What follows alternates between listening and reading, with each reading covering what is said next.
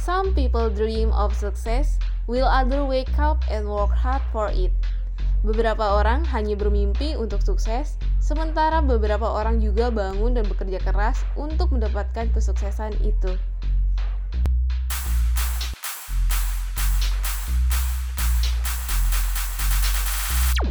Vian Rahmat Firdaus, mahasiswa Fakultas Hukum semester 8 Universitas Pakuan, ia pernah menjabat sebagai Ketua Umum Menma Pakuan periode 2019 hingga 2020 dan ikut serta dalam pembukaan jalur gunung tertinggi di Pulau Sulawesi Gunung Latimojong, yaitu tujuh gunung tertinggi di Indonesia selama satu bulan dibuka oleh Bupati Luwu lokasi start pendakian juga pernah mengikuti latihan survival Sangga Langit yang diselenggarakan oleh TNI Angkatan Udara Atasan. Sebagai perwakilan dari sipil, mahasiswa sekaligus kampus Pakuan Latgab dengan mayoritas keseluruhan TNI selama satu minggu dilantik oleh Dan Lanut Atasan dan masih banyak hal lain yang dilakukan Vian dalam upaya bela negara. Pandemi COVID-19 bukanlah sebuah halangan bagi Vian untuk terus berkarya. Ia mampu mengubah waktu luangnya menjadi sebuah peluang. Berawal dari keisangannya bermain game online, ia bisa menjadi seorang founder PT Millennial Global Perkasa yang masih berdiri kokoh hingga saat ini. Sebelum didirikannya PT Millennial Global Perkasa ini, Vian pernah membuka sebuah kedai. Namun ia mengalami nasib buruk kedainya sepi pelanggan hingga mengalami rugi puluhan juta rupiah, dan akhirnya kedai tersebut pun gulung tikar. Akan tetapi, Vian tak berhenti di sana. Kegigihannya lah yang membuat ia bisa seperti sekarang. Saat itu, Vian sedang menyusun skripsi dan mempunyai banyak waktu luang di rumah. Ia pun mencoba mengisi waktunya dengan bermain game online. Dari situlah timbul pemikiran bagaimana caranya Vian bisa menghasilkan uang dari game. Ia pun mencoba menjual diamond game online. Berawal dari iseng, tak lama kemudian ia mulai menekuni dengan serius. Sampai berada di titik di mana Vian mempunyai modal yang pas-pasan, sedangkan penjualan membludak sampai stok yang terkadang tak mencukupi. Vian pun memutar otak, bagaimana caranya bisa memenuhi permintaan pelanggan dengan mendapatkan cukup modal. Akhirnya, ia pun mencoba membuat proposal penawaran kerjasama terkait usaha yang saat ini yang sedang ia tekuni untuk ditawarkan kepada pemodal. Awalnya, ia mendapatkan banyak penolakan karena kurang lengkapnya data-data dan dasar hukum dari usahanya. Vian tidak menyerah ia mencoba merekrut karyawan dengan sistem yang lebih profesional. Ia pun melengkapi data-data yang dibutuhkan dengan menawarkan pemodal untuk mau berinvestasi padanya. Bukan hanya sekedar untuk membeli stok, tapi juga membantu membangun legalitas berbentuk perusahaan CV pada saat itu. Proposalnya mendapatkan ACC untuk pembuatan PT. Vian pun ditugaskan untuk menjadi direktur Seiring berjalannya waktu, akhirnya PT Milenial Global Perkasa resmi dilegalkan oleh Menteri pada bulan Februari 2021 lalu. Vian mengatakan penamaan PT Milenial Global Perkasa berasal dari inspirasinya sendiri sebagai generasi milenial yang ingin menunjukkan bahwa milenial bisa go public dan menciptakan hal-hal besar dan bisa bersaing secara nasional maupun internasional. Menurut kakak, bagaimana sih agar orang dapat menginspirasi orang lain? Agar kita dapat menginspirasikan orang lain, ini versi saya sendiri ya. Jadi untuk bisa menginspirasi orang lain tuh nggak perlu kita muluk-muluk menjadi seperti orang yang seperti apa, apakah jadi sempurna dan lain-lain tidak perlu. Tapi jadilah diri kita sendiri, uh, jalanin hidup kita berkembang dengan evaluasian-evaluasian atas kesalahan-kesalahan yang sudah kita lalui. Secara tidak langsung orang lain akan melihat kita dengan kepercayaan diri kita, kita akan terlihat memiliki aura-aura yang apa nih yang bisa dipatut apa yang bisa kita ambil contoh dari dia. Jadi jangan uh, muluk-muluk seperti apa tadi fokuslah untuk diri sendiri berkembang dengan evaluasi-evaluasian yang sudah kita lakukan. Ketika kita salah uh, benarkan itu untuk menjadi baik lagi. Ceritakan tentang seorang tokoh yang menginspirasi kakak dan berikan alasan mengapa tokoh tersebut inspiratif. Kalau tokoh inspiratif sendiri sih saya sering uh, apa namanya melihat dari tokoh-tokohnya itu Jack Ma itu dari CEO Alibaba terus juga William Tan itu CEO dari Tokopedia terus juga uh, Ahmad Zaki itu uh, CEO dari Bukalapak. Kenapa saya uh, senang dengan mereka? Karena memang kisah mereka yang cukup inspiratif. Mereka bukan dari kalangan yang uh, berkecukupan terus juga mereka bukan sekedar menciptakan karya-karya biasa. Artinya mereka menciptakan sebuah karya yang dapat mengubah dunia ke pola kehidupan yang tadinya dari orang e, berdagang secara tradisional berubah menjadi perdagangan secara online dengan jaminan yang tidak kalah saing. Artinya e, keamanan dan kualitas tidak kalah saing dengan kita ber, apa, berbelanja atau berjualan secara offline gitu ya. Mungkin itu sih yang menjadi inspirasi Bagaimana cara kakak membagi waktu antara kuliah, organisasi, dan usaha kakak? Saya sendiri ya menjalaninya itu seperti ini. Jadi kita ini dalam berorganisasi ataupun kuliah ataupun berusaha bisa nggak sih pertanyaannya kita menjadikan satu kesatuan kita menjalani itu semua? Uh, saya sendiri bisa. Bisanya kenapa? Karena pada intinya gini, ketika kita mau membangun usaha, ketika kita sedang berkuliah, ketika kita sedang berorganisasi, yang utama untuk menyatukan itu semua adalah komunikasi jadi kita harus bisa mengkomunikasikan dan bisa membagi waktu mana yang lebih prioritas artinya e, tidak selalu usaha itu kita pantengin kita standby terus di situ ya kan e, kita harus memberikan kepercayaan kepada orang-orang di situ untuk bisa menjalankan itu semua yang pertama. Yang kedua bagaimana saya membagi waktu dengan kuliah? Artinya dosen pun juga bukan orang yang e, cukup jahat ya. Artinya dia pasti memberikan toleransi apabila kita memiliki urgensi yang yang cukup penting saat itu ya kan? Dan kuliah pun juga uh, saya rasa bisa diganti. Kalaupun kita nggak masuk di jam itu kita masih bisa meminta toleransi kepada dosen apakah kita masuk di jam berikutnya ataupun kita diberikan izin kan seperti itu. Dan begitu pula di organisasi. Uh, kita tidak selalu harus hadir di organisasi turut serta dalam satu kegiatan.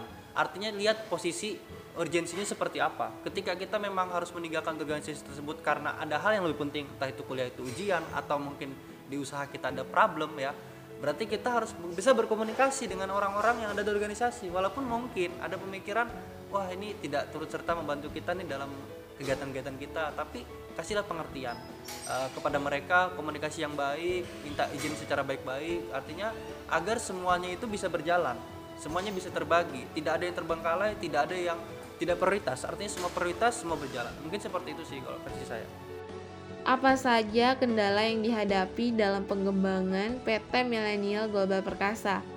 Kalau kendala yang dihadapi ya pastinya karena eh, apa ya?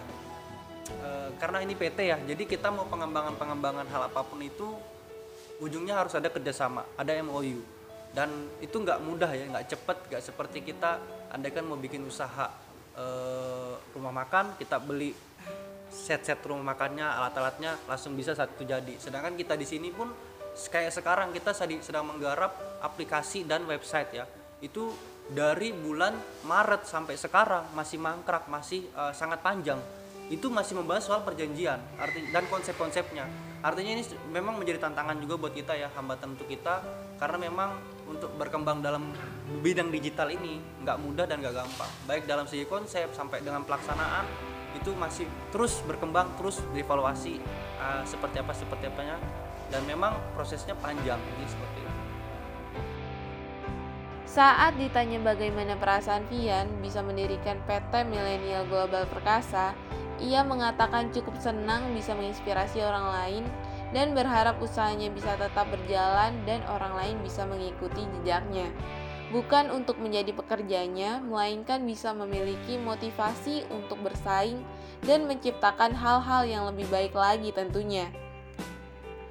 Vian berpesan kepada kaum milenial untuk tidak muluk-muluk membandingkan dirinya dengan orang lain, status pendidikan, keluarga maupun skill apa pun itu, intinya ketika kamu tidak memiliki kesempatan, jangan putus asa seakan-akan kamu tidak akan pernah sukses saat kamu merasa tidak mempunyai kesempatan, maka ciptakanlah kesempatan itu.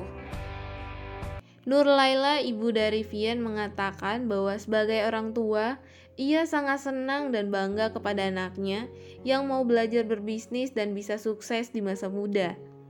Pesan apa yang ingin ibu sampaikan kepada Kak Vian? Iya, saya senang. Tentu sebagai orang tua bahagia lihat anaknya mau belajar bisnis. Apalagi kalau tugas akhirnya sampai sudah selesai. Pokoknya buat Pian jangan lupa selesaiin dulu tugas akhirnya dan selalu berdoa insya Allah sukses semuanya ya amin Dwi Chandra, salah satu karyawan Vian di PT Global Milenial Perkasa, ia mengatakan bahwa Vian sangatlah profesional dalam mengelola perusahaan. Walaupun perusahaan ini masih terbilang baru, Vian sangatlah mengerti dalam mengelola perusahaan yang sampai saat ini masih bisa bertahan, serta pengembangannya pun terus meningkat. Bagaimana pendapat Anda bisa bekerja di PT Milenial Global Perkasa? Alhamdulillah saya eh, sangat senang bekerja di sini karena di perusahaan ini sesuai dengan minat dan bakat gitu ya. Karena eh, perusahaan ini memberikan peluang eh, bagi kaum milenial khususnya eh, untuk pengembangan diri yang mana dulu saya e, mendapatkan pengalaman kerja yang gitu-gitu aja tapi di sini e, hampir setiap pekannya saya mem, e, apa namanya ya punya pengalaman baru untuk dikembangkan dan e, terus dikembangkan gitu. Selama bekerja di PT Milenial Global Perkasa, bagaimana dan seperti apa Kavian dalam mengelola perusahaan ini? Menurut saya, Pak Pian ini sangat profesional dalam mengelola perusahaan PT Millennial Global Perkasa. Walaupun eh, apa namanya perusahaan ini sangatlah baru, tapi eh, Pak Pian ini sangat mengerti dalam mengelola perusahaan. Sehingga sejauh ini perusahaan masih bisa bertahan dan pengembangannya terus meningkat Terima kasih. Adi, sahabat Vian, mengatakan bahwa Vian merupakan sosok yang tegas, ulet, disiplin, dan bertanggung jawab. Jiwa kepemimpinan Vian pun sudah terlihat sewaktu ia masih menjabat sebagai Komandan Menwa. Tak jarang Vian bercerita tentang masa sulitnya kepada Adi. Adi pun sangat yakin bahwa Vian akan menjadi orang yang sukses. Sebagai sahabat, bagaimana sih pandangan kamu terhadap Kavian? Pandangannya, uh, Kavian tuh orangnya ulet, ulet, disiplin, penuh tanggung jawab, tegas juga, tuh buat cara mengatur orang atau memimpinnya itu udah terlihat gitu saat jadi komandan menwa gitu. Sebelum dia membangun PT juga saya tahu betul gitu. Dulu dia pernah buat kedai tapi semenjak corona kedai itu bangkrut bisa dibantu apa gulung tikar lah karena corona gitu gak ada pemasukan. Di situ udah mulai kelihatan dari bisnisnya gitu. Modalnya yang berapa dia bisa puter puter otak gitu. Jadi jadi keuntungan buat dia. Walaupun dia sempat pernah jatuh-jatuhnya ruginya juga udah puluhan juta pada saat jadi kedai tapi dia terus gigih gitu. Dari uang hasil dia nabung dari modal juga gitu. Dia bisa gitu bangun pada akhirnya gitu uh, dia punya PT itu juga dulu kalau nggak salah saya setahu saya iseng doang gitu dia uh, top up jualan buat game online kalau nggak salah Free Fire gitu. Itu dia. Uh, di situ uh, dia udah mulai bisnis pernah diejek dia sempat curhat ke saya uh, dihina kayak ah ini nggak bakal maju dan gitu dia tetap tetap tekun gitu menjalaninya dan sampai sekarang akhirnya dia jadi sosok yang menurut saya sebagai abang dan sosok inspirasi saya gitu punya ah, pokoknya ter the best terbaik aja gitu Hidup ini adalah perjuangan. Tidak ada kata menyerah dalam hidup ini. Terus berlari dan berlari untuk mengejar impian, harus yakin, optimis, dan percaya diri untuk menatap masa depan yang lebih cerah. Saatnya untuk berpisah. Terima kasih telah mendengarkan How to Be Sukses. Saya Febrianti Menalu, pamit undur diri. Semoga kita bisa mengambil manfaat dari apa yang telah kita dengar.